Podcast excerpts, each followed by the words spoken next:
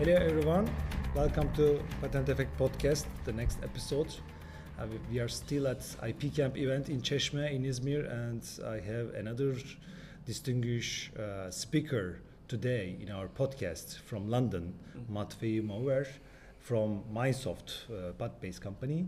And we will today talk about uh, the real power of patent information and then how can we create an advantage, commercial and uh, competitive advantage by using uh, patent information, patent data, which is available in uh, publicly environments.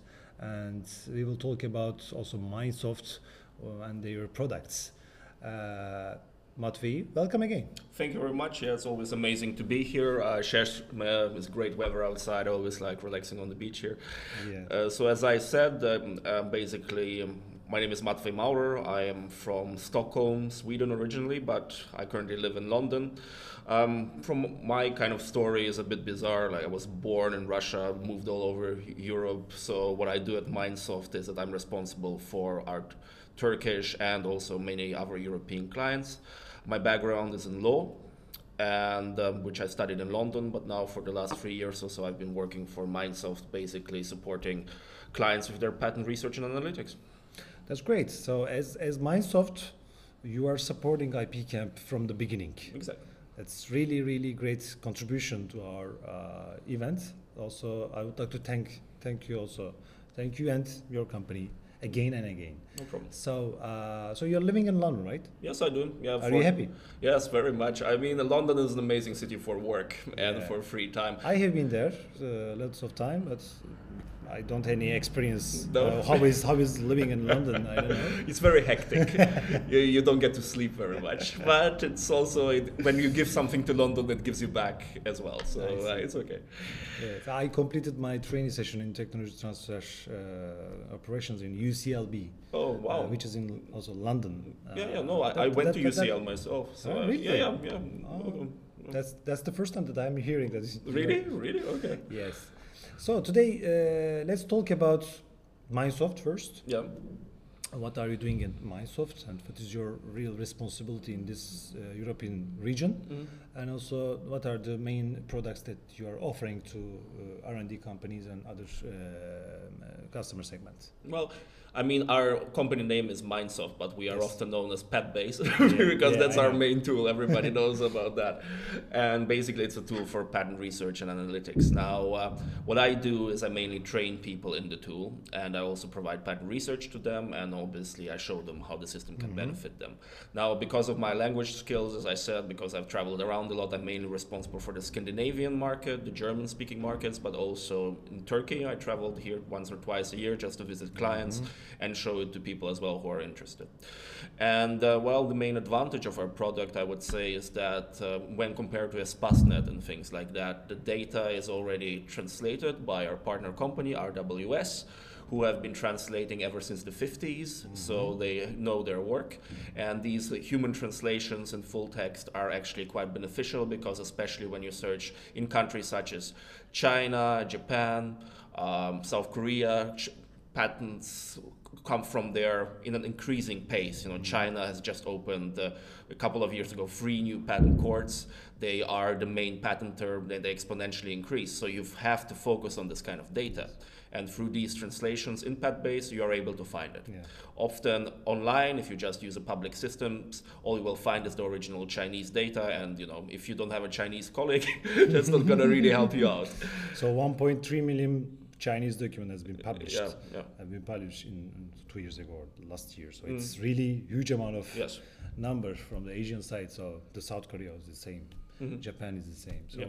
data in terms of the data coverage, uh, PatBase is offering offering a full, very wide range of uh, data coverage. right? Exactly, yeah. So all of it translated in full text. We even have countries that don't exist anymore, like the Soviet Union and things like that. So And also, and also uh, in terms of the Turkish data, Yes. it's really up to date. It is. It is up to date. We update it every month, Yes. and we have a direct link to the Turkish registry. If you want to have data from the legal status and things like that, you can download the original link by just clicking on the PDF. Yes. There is no limit to that, Yeah. so it's readily available. As you know, as Patent Effect, we are, we are using uh, Patbase, and Yeah. also personally, I tasted tasted the, the, the update update status of the Turkish data. Yes, it is up to date. Perfect. Thank you for that to to to make us able to reach these Turkish documents, which is really really difficult nowadays.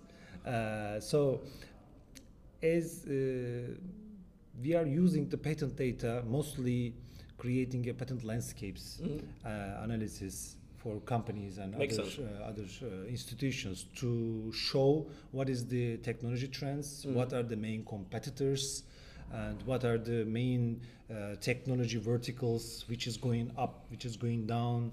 Uh, it is really important for companies, especially companies who are mm, dealing with the commercial purposes, Of course. uh, to uh, make them make it aware them which patents can be infringed infringed by their another product. So, Mhm. what what is your opinion about this importance of patent landscapes, uh, patent landscape reports? Well, certainly. I mean, landscaping is essential. It's essential to find, for example, white spaces where you can go. Um, we do landscaping, for example, based on the patent uh, title, abstract, and claim. Mm-hmm, mm-hmm. And what happens then is on a landscape, if you, I mean, you imagine what a map looks like, right? And then the map goes higher, mm-hmm. elevates itself, the more there is present technology. Yeah. And it analyzes technological terms and show them off the maps. And all the small dots represent patent families, and they show you exactly where, for example, a competitor's patent portfolio is focused.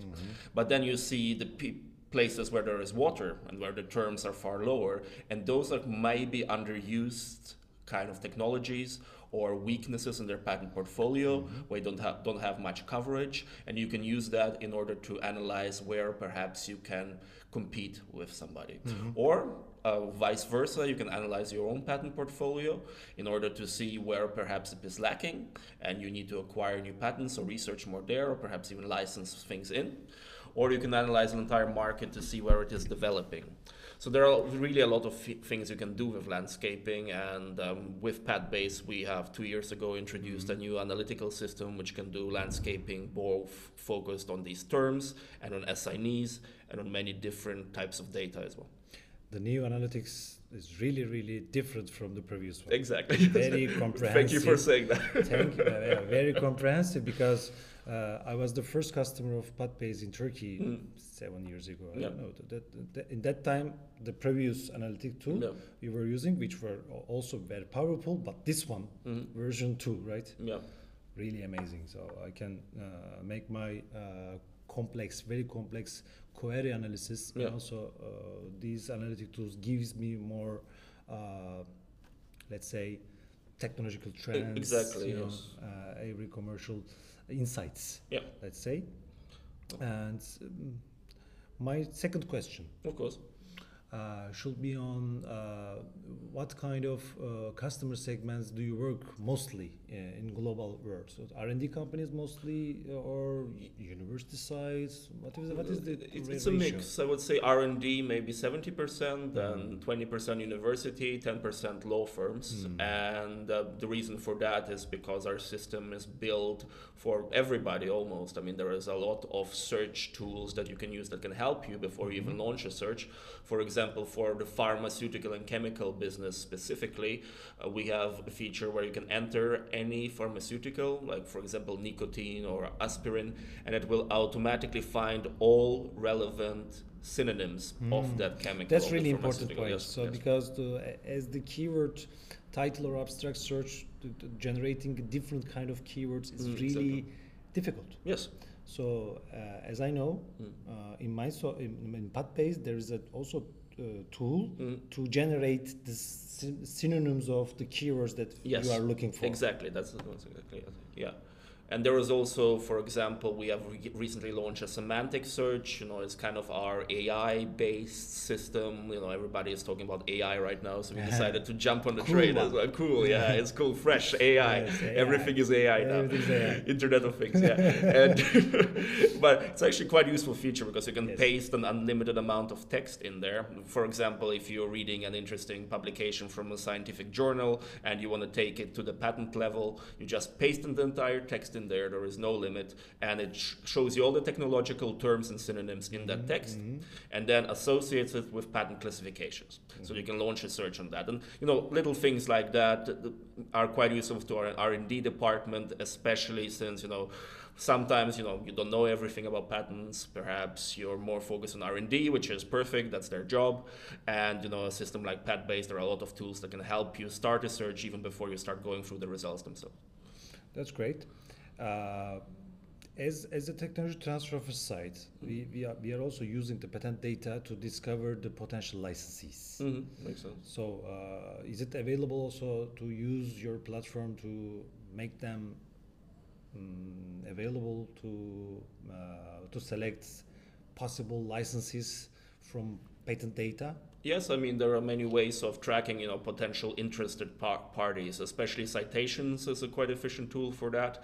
Uh, we have very accurate citation data. We can you can display them in many different ways through technology trees, for example, which basically is a tree which shows you exactly XY citations, the sort of citation as well, who has cited you the most, and also their own citations. It's kind of a tree that expands and recently, uh, just two months ago, we've also launched a new citation analytic tool, which comes with a quite advanced citation network, which is like a huge spider web, basically. Can you do it for forward and backward citations and see exactly who is interested in your patents by citations? So that's quite interesting as well. But we also have a legal status search, which does have a licensing option. So when there is licensing data available and, and our legal status data is quite accurate, we get it directly from Darts IP Yeah, a company yeah, yeah, which we have recently started cooperating with. Mm-hmm. And if there is lici- licensing data available on patents, you can actually run a search on them. That's That's great.